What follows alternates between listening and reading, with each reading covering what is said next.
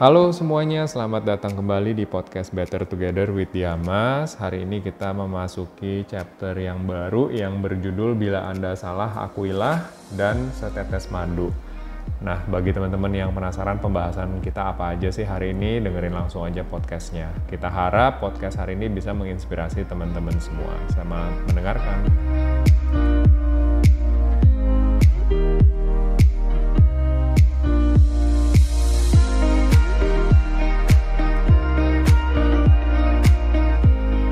Halo teman-teman semua, ketemu lagi di podcast Better Together with Diamas. Hari ini kita udah masuk ke episode yang baru yang ada dua nih hari ini kita pembahasan chapternya. Nah hari ini aku ditemenin Sherlia sama Ayu dari bagian finance sama dari bagian HRD ya. Apa kabar nih kalian berdua hari ini? Baik kok. Baik. Baik? Oke, kita rekaman pagi-pagi nih ya, jam 8, jadi harapannya masih pada seger-seger pagi ini. Iya. Sebelum mulai pengen ngobrol-ngobrol dulu dikit. Ayu lagi sibuk apa yuk di HRD? Kalau untuk saat ini lagi sibuk training. Mm-mm, training apa tuh? Besok nih, besok hari Kamis. ada training desain, hari Jumatnya ada training sosmed. Oke, ada dua ya training Iya. yang mau yang akan datang. Kalau Shirley lagi sibuk apa Shirley? Di finance aku lagi ngejar laporan penjualan sih. Ngejar laporan penjualan. Iya. Itu laporan bulanan atau apa? Eh, enggak, tiap minggu setelah misalnya kita dapat dari accounting udah harus segera diinput biar untuk penagihannya nanti lebih gampang. Oke, jadi ada kesibukan masing-masing lah ya. Eh, kita masuk deh ke chapter pertama yang berjudul Bila Anda Salah, Akuilah. Jadi di chapter ini kalau misalnya kita nih lagi di posisi yang salah, kita tuh harus ngapain sih gitu kan? Eh, Oke, aku mau tanya sama Shirley dulu. Kita sebagai orang kan pasti pernah salah ya, Shirley ya. Iya. Kesalahan yang paling baru kamu lakuin apa nih, Shirley? Dari cerita pengalaman pribadi aku ya kok. Enggak, yang terbaru. Baru-baru Oh, ini kamu ada buat terbaru. salah apa nih? buat hari-hari hmm apa ya Apa? nggak ada sih cewek selalu benar Oke, berarti chapter ini nggak berlaku nih buat para pendengar kita yang wanita ya. Apa? Ada nggak kesalahan yang baru-baru ini dalam pekerjaan ataupun dalam kehidupan pribadi yang mungkin bisa diceritain ke teman-teman? kalau dalam pekerjaan sih nggak ada Oke, bagus dong ya. Mm-mm. Kalau dari pribadi mungkin ada? kalau dari pribadi ada tapi nggak baru-baru banget Hmm, apa tuh? Eh, pas itu pagi-pagi aku baru bangun Hmm, kan namanya orang baru bangun kan masih nyawanya belum kekumpul hmm, masih setengah sadar gitu Iya. ya. aku langsung bawa motor Jadi bangun dari ranjang langsung ke motor berangkat gitu. iya tapi posisinya bukan hari kerja libur Oke, terus? Terus aku bawa motor, masih satu komplek, eh langsung nabrak mobil. Waduh. Nabrak mobil tetangga, cuman tetangganya masih jauh. Terus Oke. habis itu pas aku nabrak kan parah tuh. Kan karena aku takut ya, Ah. panik, aku langsung kabur. Oke, ada yang pelaku tabrak lari ya ternyata. mobilnya itu diem, kalau dia cuma parkir diem dong, tapi aku tabrak. Bunyi nggak alarmnya? Enggak, Oh, cuma enggak. bunyi brok gitu kenceng kan. Ah, terus? terus ada yang keluar dan keluar dia bantuin aku kan ngangkat motornya terus dia bilang kenapa kenapa enggak gitu mau minum enggak bilang, enggak enggak apa-apa enggak apa-apa terus aku langsung kabur terus sampai di rumah ditanya kenapa itu kakinya lecet-lecet bilang, itu nabrak bilang Heeh. gitu kan nabrak siapa itu yang di depan Terus katanya Oke. udah tuh karena aku kabur kan kiranya ya udah dong nanti aja tunggu ke- kalau ketemu baru itu Oke. Eh, nggak lama orangnya dateng Hari itu juga. iya Ah, nggak nggak nyampe sejam langsung sama sapam dateng aku juga bingung kenapa dia tahu kan Tahu apa nih? tahu aku yang nabrak Kan tadi kamu dibantuin sama dia. bukan orang lain Oh, orang lain yang Iya. bantuin. Oke. terus gak lama Terus? dia dateng ya udah aku keluar dengan kaki yang berdarah berdarah aku minta maaf sama dia Mm-mm. pas minta maaf aku tahu aku salah karena mobilnya diem aja aku tabrak sampai spionnya patah kan habis itu aku minta maaf dan dia akhirnya nerima maaf aku dan kesalahan aku diminimalkan jadinya aku cuman kayak bayar klaim asuransinya doang harusnya kalau misalkan aku masih ngelak aja pasti dia marah dong Mm-mm. pasti nuntut biaya yang lebih besar jadi karena aku udah minta maaf udah akuin kesalahan aku akhirnya aku cuma bayar biaya klaimnya dan berakhir damai udah Oke, tapi aku mau mundur dikit nih. Maksudnya kamu ngapain dari bangun-bangun langsung bawa motor tuh apa? Apa ada ditugasin disuruh ke mana atau Iya. cuman iseng doang? Oke. enggak enggak iseng kok aku pagi-pagi ditelepon kan suruh jemput papa aku di depan Oke. kan karena orang tua yang minta ya kan aku juga kasihan Mm-mm. ya udah jadi pas aku bangun aku langsung ngambil kunci motor Oh. terus udah nengeng tabrak Jadi waktu lagi nyetir tuh nggak konsen gitu kayak atau nyetirnya sambil merem atau gimana waktu itu? nyata ya se- menurut aku pas aku nyetir itu nggak ada mobil di depan Jadi mobilnya muncul tiba-tiba gitu. iya tiba-tiba pas aku ngeng gitu eh ada mobil jadi aku langsung kayak gede gitu kena dia spionnya patah baret-baret aku jatuh Oh. Mobilnya mobil gaib jangan-jangan ya tiba-tiba muncul ya. Terus eh, dari situ belajar apa, Shirley? dari situ belajar pertama kalau misalnya kita bangun tidur jangan langsung kayak gitu Yang langsung bawa motor ya. Iya. Oke. Pelajaran Terus kalau keduanya. kita salah jangan kabur Tapi harusnya ngapain? tapi langsung minta maaf sama pemiliknya walaupun pemiliknya nggak ada di tempat juga seenggaknya kita permisi di rumahnya Oke. Terus? terus ketiga ya jangan berusaha buat debat walaupun ini salah kita tapi kita kan biasa orang kalau udah tahu salah dia udah ngakuin nih Mm-mm. tapi dia masih cari pembelaan gitu buat diri dia sendiri Mm-mm. ya kita kalau untuk pembelajaran ketiga ini ya udah salah ya udah nerima dan orang itu ngomong apa ya kita terima aja jangan malah kesel Hmm, mungkin kalau cerita kamu bisa aja kamu bilang ya bapak sih parkir mobilnya terlalu ke tengah terlalu ke gitu. tengah atau eh, ya di posisi yang kurang tepat Iya. gitu ya. Tapi itu kan malah menimbulkan perdebatan yang nantinya mungkin kamu bakal disuruh gantinya lebih gede lagi karena dia Iya, emosi benar. gitu ya. Oke, cukup menarik ya ceritanya. Kalau ayo ada bikin kesalahan apa yuk baru-baru ini? baru-baru ini ini sih di pekerjaan ya Mm-mm. kemarin tuh aku nggak sengaja menghancurkan kertas kan ada tuh penghancur kertas di ruanganku Mm-mm. nah itu aku memasukkan plastik Oke. iya nah itu pada saat aku menghancurkan itu emang apa ya nggak sadar kalau itu dihancurkan. Jadi kan biasanya kalau ada berkas lamaran yang eh, kandidatnya nggak lolos ataupun udah lama nih kita hancurin kertasnya. Nah pada saat itu ada foto yang dimasukkan ke plastik gitu kayak plastik kecil gitulah.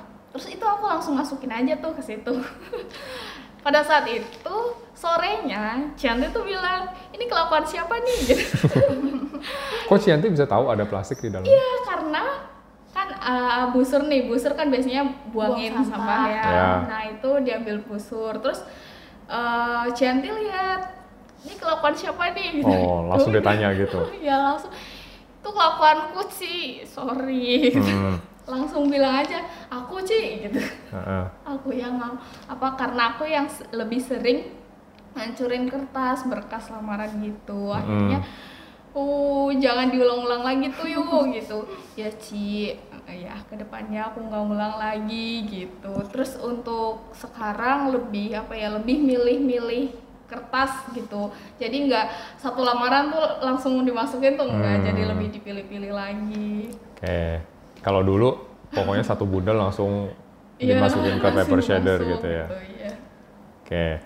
Eh, coba bayangin kalau misalnya pada saat kejadian itu ditanya kamu malah berdebat sama Cianti tuh ya. Hmm. Enggak Ci, itu kan alatnya bisa untuk eh, apa? eh, Ngancurin. ngancurin plastik gitu kan. Apa yang bakal terjadi itu? oh nanti otomatis terjadi perdebatan apalagi Iya. Cianti Cianti emang tipikal orang yang suka ngit- ngingetin dan dia pasti akan apa ya akan mendebat lagi Hmm. oh nggak mungkin iya sih emang bisa ngancurin tapi kan nanti jadi tambah rusak padahal ini Hmm. baru lo alatnya gitu kan Oke. jadi panjang deh urusannya Jadi lebih baik kita langsung mengakui kesalahan kita ya. iya Oke. Lalu kita juga mau coba ngangkat beberapa cerita dari buku ini nih yang udah dipilih sama Sherlia sama Ayu. Apa nih Sherlia cerita yang kamu pilih? Yang aku pilih ini sepim, se, si pemilik anjing namanya Columbus. Dia tuh punya anjing bulldog Boston kecil namanya Rex. Nah, si Columbus ini tuh tinggal di area hutan yang sangat luas. Mm-mm. Karena dia di sana jarang ketemu orang, bahkan hampir sepi deh, cuman ada mereka berdua. Jadi si Columbus ini sering ngajak si Rex jalan-jalan. Mm-mm. Menurut si Columbus ini, si Rex ini tuh anjing yang ramah dan baik hati. Jadi tuh dia bawa si Rex tanpa tali kekang dan berangus. Tadi dia tipe anjing apa? Ramah dan Enggak, baik tipe hati. anjingnya? Oh, bulldog Boston kecil.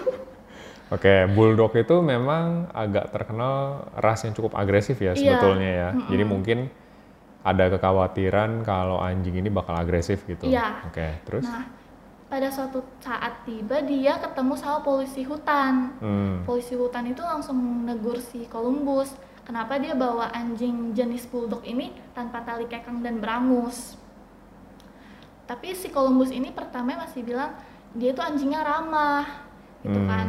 Tapi karena si polisinya nggak mau tahu, dia bilang itu melanggar hukum. Akhirnya si Columbus pasrah dan dia berjanji nggak akan mengulanginya lagi. Dan memang betul si Columbus ini tuh matuhi janji dia, tapi Hmm. cuma kayak satu dua kali doang. Karena si Rex nggak suka. Karena nggak biasa mungkin Iya. ya dipakein tali ya. Betul. Hmm. Nah karena si Rex nggak suka ya udah dong si Columbus, ah ya udahlah biarin dia sekali sekali. Eh apes, malah Hmm. kepergok di saat si Rex nggak make itu. Ketemu lagi sama polisinya. Betul, langsung ketemu di depan matanya si polisi. Hmm. Langsung si Columbus mengakui kesalahannya. Dia bilang dia salah, dia udah nggak bisa ngelak, udah nggak ada asa- alasan lain. Mm-mm. Karena dia juga udah berjanji kan sama polisinya. Nah, terus si polisinya mungkin kaget dengan pernyataannya si Columbus kan. Dan si polisi hutannya itu malah jawab Columbus dengan nada yang lembut, Hmm. nggak kayak peneguran yang pertama. Dia bilang sama si Columbus, nggak apa-apa, maksudnya jangan terlalu anggap serius lah masalah ini, dia bilang gitu. Dan akhirnya si polisi malah memperbolehkan si Columbus bawa si Rex berlarian di area hutan, tapi jangan sampai polisi itu lihat. Hmm. Nah, akhirnya mereka berdua menyelesaikan masalah dia dengan hasil yang baik gitu, dengan cara yang baik dan mereka sama-sama mau melupakannya.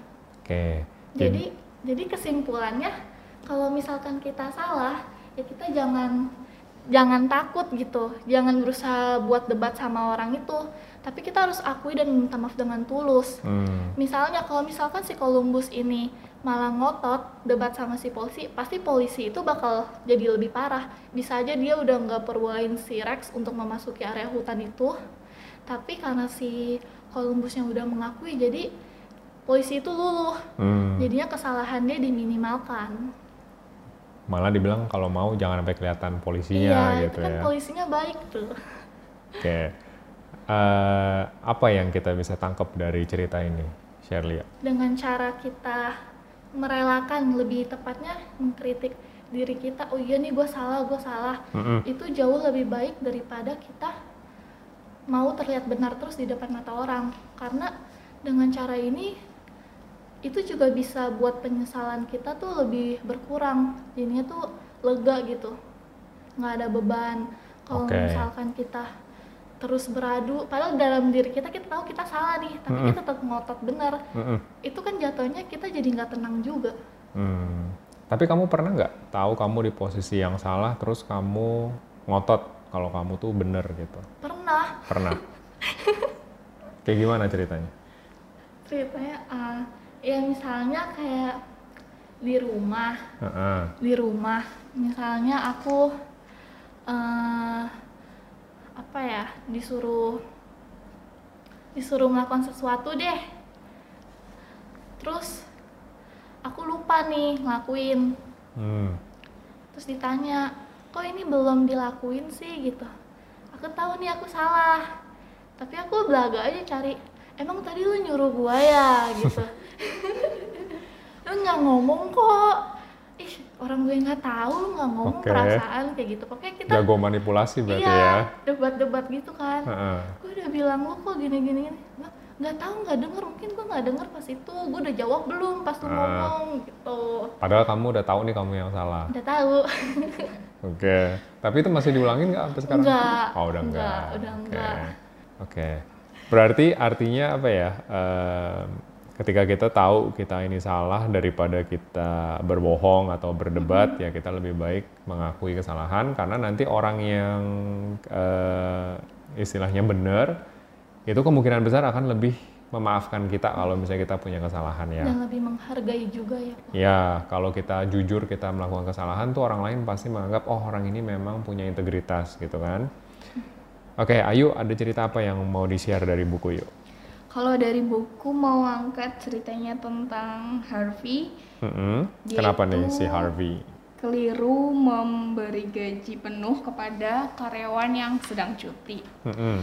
Jadi kan ada karyawan yang sedang cuti tapi malah dikasih gaji penuh sama Harvey. Pada saat itu Harvey itu bilang ke karyawan tersebut bahwasannya akan ada pengambilan gaji pada bulan depan. Artinya Hmm. pengambilan gaji di bulan depan gitu kan.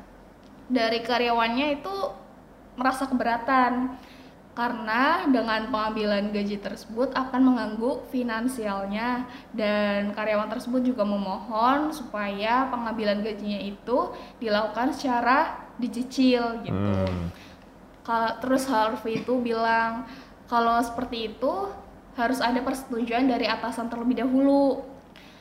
Setelah ngobrol sama karyawannya, Harvey itu lapor ke bosnya kalau dia itu sudah salah memberikan gaji penuh ke karyawan yang sedang cuti. Mm-mm. Pada saat itu emosi bosnya itu langsung meledak-ledak dan bosnya itu langsung menyalahkan, wah ini kesalahan bagian personalia. Di situ Harvey sudah bilang bukan ini kesalahan saya. Dan bosnya itu langsung bilang juga ini pasti kesalahan bagian akunting gitu Hmm. kan. Jadi semua disalahin ya? Iya, semua disalahin sama bosnya, tapi Harvey itu tetap bilang bukan Pak ini murni kesalahan saya Mm-mm. untuk ketiga kalinya bosnya itu menyalahkan orang lain gitu kan dan sampai akhirnya si Harvey itu tetap bilang bukan pak ini kesalahan saya murni kesalahan saya pada saat itu bosnya akhirnya bilang baiklah ini kesalahanmu silahkan perbaiki pada saat itu Harvey langsung memperbaiki dan memang melakukan prosedur yang sudah ditentukan oleh disepakati oleh bosnya dan karyawan tersebut. Akhirnya Hmm. tidak ada perdebatan yang terjadi gitu. Oke, bayangin kalau misalnya si Harvey ini masuk-masuk langsung bilang, ini salahnya accounting nih, salahnya personalia gitu. Mungkin bosnya akan bilang, enggak itu salahnya kamu gitu kan. Malah efeknya kebalikan Iya, gitu ya. betul. Eh, tapi aku mau nanya deh, kalau ini kan dibilangnya kalau kita punya salah harus mengakui karena orang akan lebih mengerti gitu ya. Tapi bagaimana kalau kita udah melakukan kesalahan yang sama lebih dari satu kali? Apakah orang atau lawan bicara kita akan segitu mudahnya mengerti atau memaafkan kita? enggak sih Enggak. Enggak. Kenapa Enggak. enggak? Kalau menurut aku lo- jika kita sudah melakukan kesalahan lebih dari satu kali otomatis orang yang bersangkutan pasti akan tetap menegur kita Mm-mm. dengan apa ya sikap sikapnya itu pasti udah beda dari yang awal misalkan dari yang awal nih oke aku kasih kamu kesempatan buat memperbaiki kesalahanmu gitu kan nah kesempatan kedua dia melakukan kesalahan lagi otomatis dari si pemberi kesempatan dia akan was-was atau memberikan tanda ke orang itu Hmm. Tanda apa tuh? Maksudnya tanda kalau misalnya wah ini nih kalau mis- bisa jadi ya tanda ini orang sering berbuat kesalahan di bagian ini Hmm. dia akan memberikan tanda di situ dan pasti akan selalu mencoba mengingatkan mencoba mengingatkan dan ketika kesalahan itu terjadi lagi atau terulang lagi otomatis dari si pemberi kesempatan itu responnya akan memiliki emosi yang meledak-ledak Hmm. lebih dari emosi yang pertama gitu Oke. Setuju, Shirley? setuju Setuju. iya Kenapa? karena misalnya kita udah berbuat satu kesalahan nih pertama kita ditegur secara baik-baik pastinya Mm-mm. terus kita udah janji sama dia nggak bakal ngulangin tapi ternyata kita ngulangin terus menerus Mm-mm. akhirnya orang tersebut yang kasih kesempatan sama kita kan lama-lama kayak capek gitu ya nih orang kayaknya nggak ada harga eh nggak ada harga diri nggak nggak bisa menghargai orang banget Iya. dia ngasih tahu kita udah ngasih tahu baik-baik tapi dia cuman anggap kata-kata kita itu sebagai angin lalu lalang doang masuk kuping kanan keluar kuping kiri Hmm. orang tersebut pasti bakal eh, apa ya bakal ngasih tanda juga kayak kayu sama nih orang kayaknya orangnya kayak gini-gini deh jadinya kan kesan di image orang itu kan jadi jelek karena Mm-mm. perbuatan dia sendiri Oke, nah ini kan agak nyambung nih kita bisa langsung pindah ke chapter berikutnya yang berjudul eh, setetes madu ya. Hmm. Apa tuh setetes madu yang kita maksud di sini apa? setetes madu yang aku tangkep dari buku ini itu lebih ke penyampaian kata-kata yang manis yang bisa menenangkan hati orang Mm-mm. Contoh di saat kita kayak dipertemukan dengan masalah yang membuat kita marah atau pengen melontarkan kata-kata yang bisa nyakitin perasaan orang lain deh Mm-mm. atau kita pengen mengun- menuntut orang tersebut untuk setuju sama argumen kita kita harus bisa ngatasinnya itu dengan pendekatan yang ramah Mm-mm. yang simpatik terus saling menghargai maksudnya itu di saat kita emosi jangan sampai kita termakan sama emosi kita sendiri dengan melontarkan kata-kata yang kasar Tapi kan tadi kalian berdua bilang nih kalau orang itu melakukan kesalahan yang sama berulang-ulang, kita pasti terbawa emosi. iya Nah itu gimana tuh? ya tergantung kalau aku mikirnya tergantung diri orang masing-masing ya kalau dia bisa tahan ya bagus Kalau bisa? misalkan dia nggak tahan ya pasti tuh udah keluar tuh Heeh. kan ujung-ujungnya pasti orang tersebut yang melontarin kata-kata kasar itu pasti punya penyesalan diri sendiri sih dia merasa bersalah Oke, kita mungkin ngelihatnya dari si sisi orang yang marah ini kan eh, kita mungkin bisa menilai oh orang itu harusnya nggak boleh marah gitu kan. Tapi yang kita perlu ingat juga adalah ketika lawan bicaranya nih udah mengulang kesalahan yang sama berulang-ulang gitu. Apakah wajar si lawan bicara ini marah atau dia harus tetap menahan amarahnya berulang-ulang? Wajar Hah? wajar sih kalau dia itu marah Wajar. Ah, dan menurut aku ketika kita sudah melakukan kesalahan dua kali dari pihak kitanya itu memang harus apa ya harus lebih bisa mengakui kesalahan dan harus memberikan kalimat yang bisa menenangkan si pemberi kesempatan Mm-mm. Tapi mungkin yang perlu diingat ya yang tadi secara nggak langsung disebutin, jangan sampai kita mulai kesalahan yang sama berkali-kali. Ya gak? iya Karena walaupun mungkin pertama mungkin eh, masih belum tahu masih masih dimaafkan dengan dengan gampang gitu ya. Tapi kalau kita mengulangi lagi mengulangi lagi itu kan artinya ya itu tadi ya kehilangan kepercayaan ya tadi kamu bilang ya Shirley ya. iya Ya. Eh, sebelum kita masuk ke chapter berikutnya kan di buku ini ada ngasih tips nih mengenai gimana caranya kalau kita mau eh, mengakui kesalahan. Apa tuh tipsnya? tipsnya itu berusaha menenangkan kalau kita benar mari kita berusaha untuk menenangkan orang lain Mm-mm. kemudian kalau misalkan kita salah akuilah kesalahan tersebut dan menyatakan bahwasanya diri kita itu salah Mm-mm. Dengan apa tuh? dengan cepat dan antusias Nah, jadi jangan jangan nud- apa jangan nunggu eh kamu salah ya ini perbuatan siapa gitu Hmm. Jangan nunggu orangnya datang ke rumah ya. ya benar-benar kalau Jadi- kalau Kojuan sendiri pernah Ah, nggak apa? Kojuan udah tahu nih Koko salah Mm-mm. Tapi mungkin karena Koko gengsi Koko nggak mau terlihat salah Koko berusaha untuk membenarkan diri Koko Sering. oh sering Sering.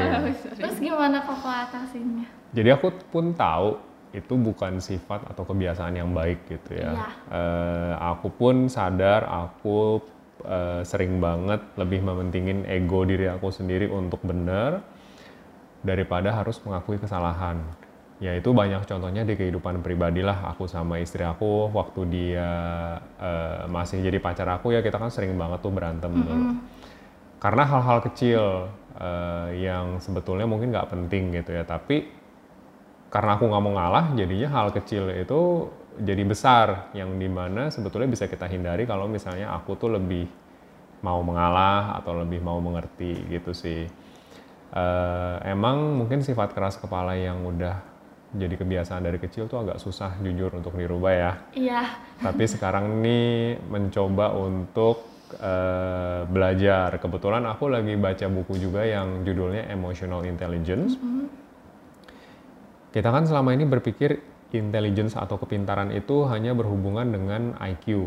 Iya. Tapi ternyata ada yang namanya emotional intelligence. Itu gimana sih kita menggunakan intelligence untuk mengatur emosi kita? Ya salah satu di dalamnya adalah ketika kita mau marah-marah, ketika kita mau eh, nggak uh, mau ngalah itu kita diajarin lah di buku itu gimana caranya. Oh. Oke, nanti kalau misalnya ada yang tertarik bisa kita bahas lebih lanjut mengenai emotional intelligence. Iya. Hai. Oke, kita masuk yuk ke chapter berikutnya. Tadi kan judulnya setetes madu ya, udah dijelasin gimana, uh, oh sorry, maksudnya apa setetes madu di chapter ini. Kita masuk ke ceritanya, ayo. Oke, di sini aku mau ngangkat cerita tentang pabrik White Motor Company. Mm-hmm. Jadi itu ada 2.500 karyawan, mereka mogok kerja karena ingin menaikkan ingin naik gaji gitu. Nah, pada saat itu perusahaan White Motor Company dipimpin oleh Robert V Black atau biasa disebut dengan Mr. Black gitu kan. Mr. Black. Iya, okay. Mr. Black. Nah, pada saat 2.500 karyawan itu mogok kerja ataupun demo di perusahaan tersebut, Mr. Black bukan malah menentang atau memberikan ultimatum, tapi dia itu mencoba untuk berdamai dengan persahabatan. Yang dilakukan Mr. Black ini malah memuji pemogok dengan cara membuat iklan di suatu surat kabar. Nah, dia itu memuji cara damai di mana mereka meletakkan alat-alat mereka.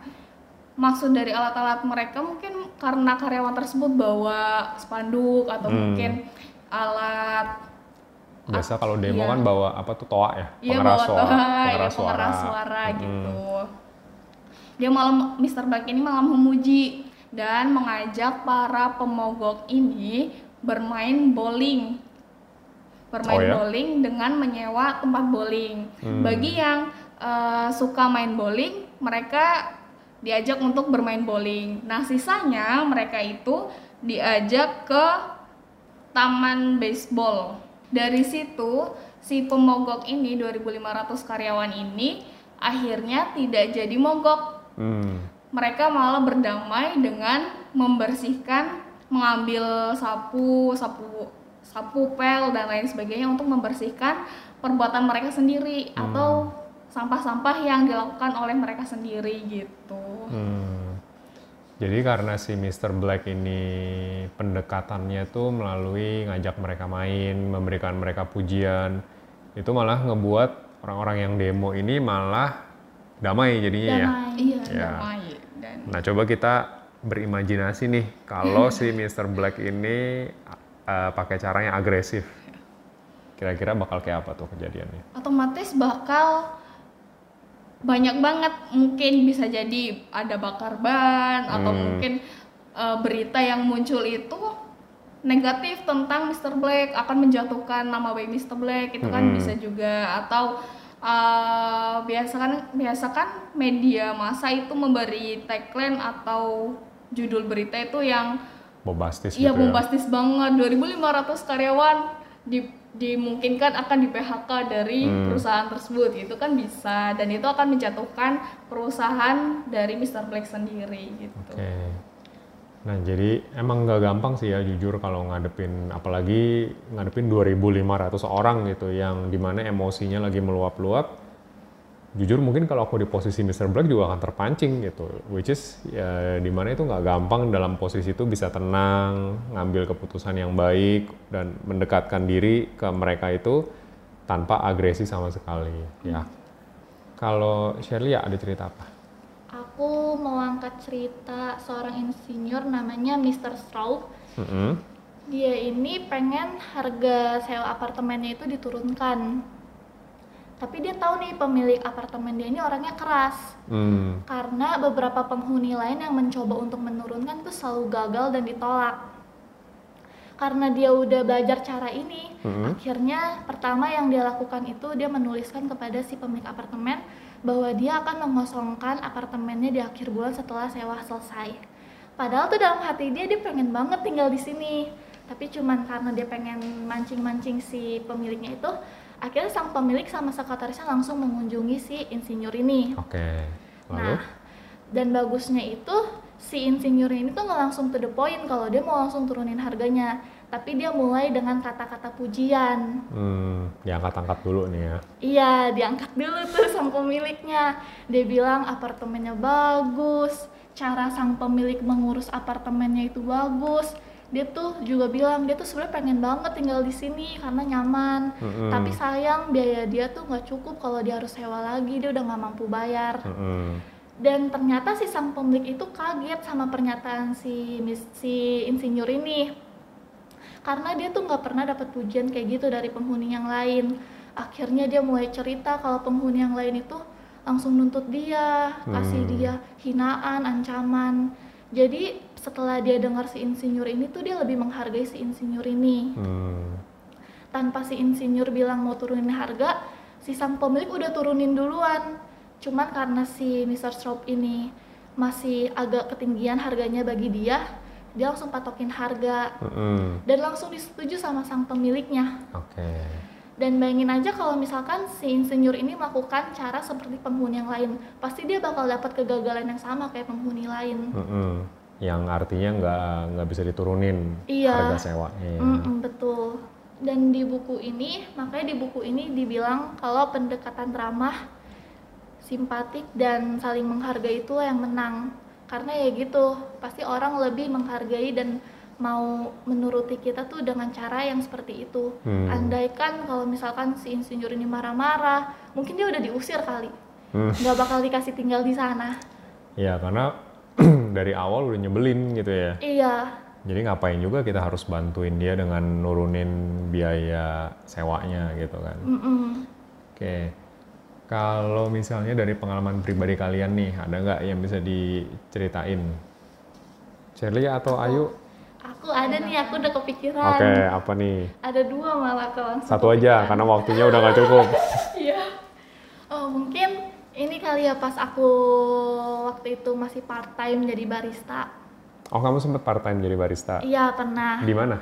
di coffee shop Catloy namanya kalau koko tahu. Enggak sih katanya kayaknya nggak terlalu terkenal dia. Oke, berapa lama jadi barista? Tiga bulan. Tiga bulan, oke. Terus apa nih ceritanya? Jadi awal-awal aku part time di sana kan aku cuman dikasih waktu seminggu untuk proses trainingnya. Mm-mm. Setelah seminggu aku langsung dilepas sendiri. Tapi yang benar-benar sendiri yang jaganya. Oh kan- gitu, satu shift iya, itu sendirian? Iya, itu kan aku takut ya. Cuman mau nggak mau kan. Mm-mm. Akhirnya ada customer dateng Ini udah sendirian nih waktu udah itu? sendirian Oke, udah terus? dateng dia mesen kopi yang hot kan aku tuh paling males bikin kopi yang panas Kenapa? Karena itu harus digambar-gambar kok Oh, ada Lah, art. iya ada apa? artnya latte Iya, artnya latte artnya, oke. aku nggak bisa itu susah terus sementara yang aku lihat dia aja pas baru masuk aja udah foto ini foto itu orangnya kayak instagramable banget kan Hmm. Oh jadi dia ngarep nih ada latte artnya iya itu ya? pasti bakal difoto gitu kan Oke, terus? terus akhirnya aku coba sebisa aku gitu aku bikin kopinya latte artnya gagal karena itu susah. Akhirnya aku pakai cara pakai cara yang sebenarnya itu taktik untuk orang yang masih baru ya. Itu pakai sendok kita ambil foamnya terus kita tuangin di kopinya kayak bintik-bintik gitu. Terus kita Mhm. pakai yang tusuk gigi gitu tinggal kita sarik Oh, tarik oke, gitu oke, loh. oke. Terus? tapi ternyata hasilnya jelek juga kan. Terus aku udah pasrah ayo udahlah nggak apa-apa lah. Terus pas aku bawain ke meja dia kesenggol Apa yang kesenggol? kopinya karena kan kalau kop- kopi yang panas itu kan dia penuh sampai bener-bener atas itu kan Iya. ya. kalau foamnya tebel dia nggak bakal tumpah walaupun kita goyangin walaupun penuh Hmm. tapi karena aku bikinnya masih yang jelek gitu itu masih agak-agak cair gitu Terus tumpah. dan aku kan gemeter gitu pas aku nyampe aku gemeter akhirnya Rex tumpah dikit kan Kena dianya nggak? Nggak kena Oh, tapi nggak. kan posisinya di meja dia kan ada HP ada barang-barang dia gitu kan. Heeh. tumpah. Akhirnya di situ aku langsung aduh sorry sorry ya gitu. Terus aku bilang maaf ya kalau gambarnya jelek soalnya aku baru. Mm-mm. dan ini tumpah. Mau dibikinin yang baru nggak? Aku bilang gitu. Aku selalu hmm, selalu bilang ke dia kalau aku tuh benar-benar nunjukin kalau aku tuh salah gitu. Mhm. terus aku bilang dibikinin baru aja ya yang lebih baik gitu gitu bilang oh ya udah nggak apa-apa nggak apa-apa. Akhirnya tuh dia ngerti gitu. Mungkin dia juga Hmm. ngerti karena aku baru gitu ya. Akhirnya dia ambil dia lap sendiri kok Oh ya? iya. Terus aku bilang aku jadi nggak enak banget dalam hati gitu kan. Ya udahlah mau gimana kan? Aku juga udah maksimal kasih yang terbaik gitu. Emang susah gitu. Oke. ya udah akhirnya aku liatin cuman nggak difoto. Nggak difoto. ya, karena udah jelek banget. Dia cuma minum doang udah. Selesai terus aku ya udahlah ya yang penting orangnya kan juga ngerti. Iya. gitu. Nah itu eh, bayangin kalau misalnya kamu nggak minta maaf duluan tuh kira-kira apa yang terjadi? Duh pasti dia bisa aja langsung berdiri dari bangkunya tuh terus marah-marahin aku. Dibilang nggak becus lah gini gini gini. Pasti dia marah-marah Cewek apa cowok tamunya? cowok Oh cowok, oke. Jadi eh, pelajarannya adalah ya kalau kita emang punya kesalahan kita harus cepet ngakuinnya ya. Terus eh, yang ngomongnya juga baik-baik gitu Iya, kan. yang baik Kalau misalnya kayak kamu bilang sorry ya gambarnya mungkin kurang bagus karena saya masih baru gitu ya. Oke. Oke, sebelum kita tutup ada satu pertanyaan terakhir nih buat kalian berdua. Gimana kalian bisa pakai apa yang udah didapat dari eh, dua chapter ini untuk bantu teman kantor kalian? Siapa dulu? Kalau dari aku buat teman-teman Diamas Mm-mm. maupun Siti Nova ketika kita melakukan kesalahan, akuilah kesalahan tersebut, jangan menunggu orang yang dibikin kesalahan itu apa naik darah naik darah iya Hmm, Oke, emang bener sih. Kadang kan aku juga suka ngecek-ngecekin laporan, ngecek-ngecekin data gitu ya. Kalau memang teman-teman tahu ada salah, lebih baik emang diomongin dari awal. Ini ada salah nih atau ada kurang gitu ya. Dibandingkan pas meeting, pas dibahas, mereka masih nggak ngaku juga gitu. Sampai harus aku yang nanya. udah gitu kadang jeleknya udah ditanya suka ngeles lagi. Nah itu yang kadang bikin jujur bikin apa ya ya emosi lumayan naik lah gitu ya tapi eh, kita sama-sama belajar gimana kalau punya kesalahan itu harus cepat diakui. Kalau Shirley ya apa nih? Sama kayak Kak Ayu kalau misalnya kita punya kesalahan ya cepet-cepet diakui. Jangan lama-lama sampai harus ditanyain berkali-kali. Mm-mm. terus kalau misalkan emang kitanya salah ya udah jangan malah ngotot gitu. Tapi ya udah ngakuin aja gitu. Hmm. dan jangan walaupun kita akuin juga jangan di belakangnya malah masih ngungkit-ngungkit seakan-akan kita nggak salah tapi dia yang salah. Oke sip. Eh, thank you banget Ayu sama Shelia untuk sharingnya hari ini. Ada lagi yang mau ditambahin mungkin? Cukup. Nah dari aku udah udah cukup. ya? Oke Eh, kita harap semoga obrolan santai kita hari ini bisa menginspirasi teman-teman yang dengerin ya. Nanti kita juga akan ketemu lagi di chapter berikutnya dengan host yang berbeda. Oke, itu aja dari kita bertiga. Makasih eh, buat Ayu sama Shirley yang udah datang hari ini. oke Oke, makasih makasih juga. Thank you. Nanti kita ketemu lagi di episode berikutnya. Bye bye. bye bye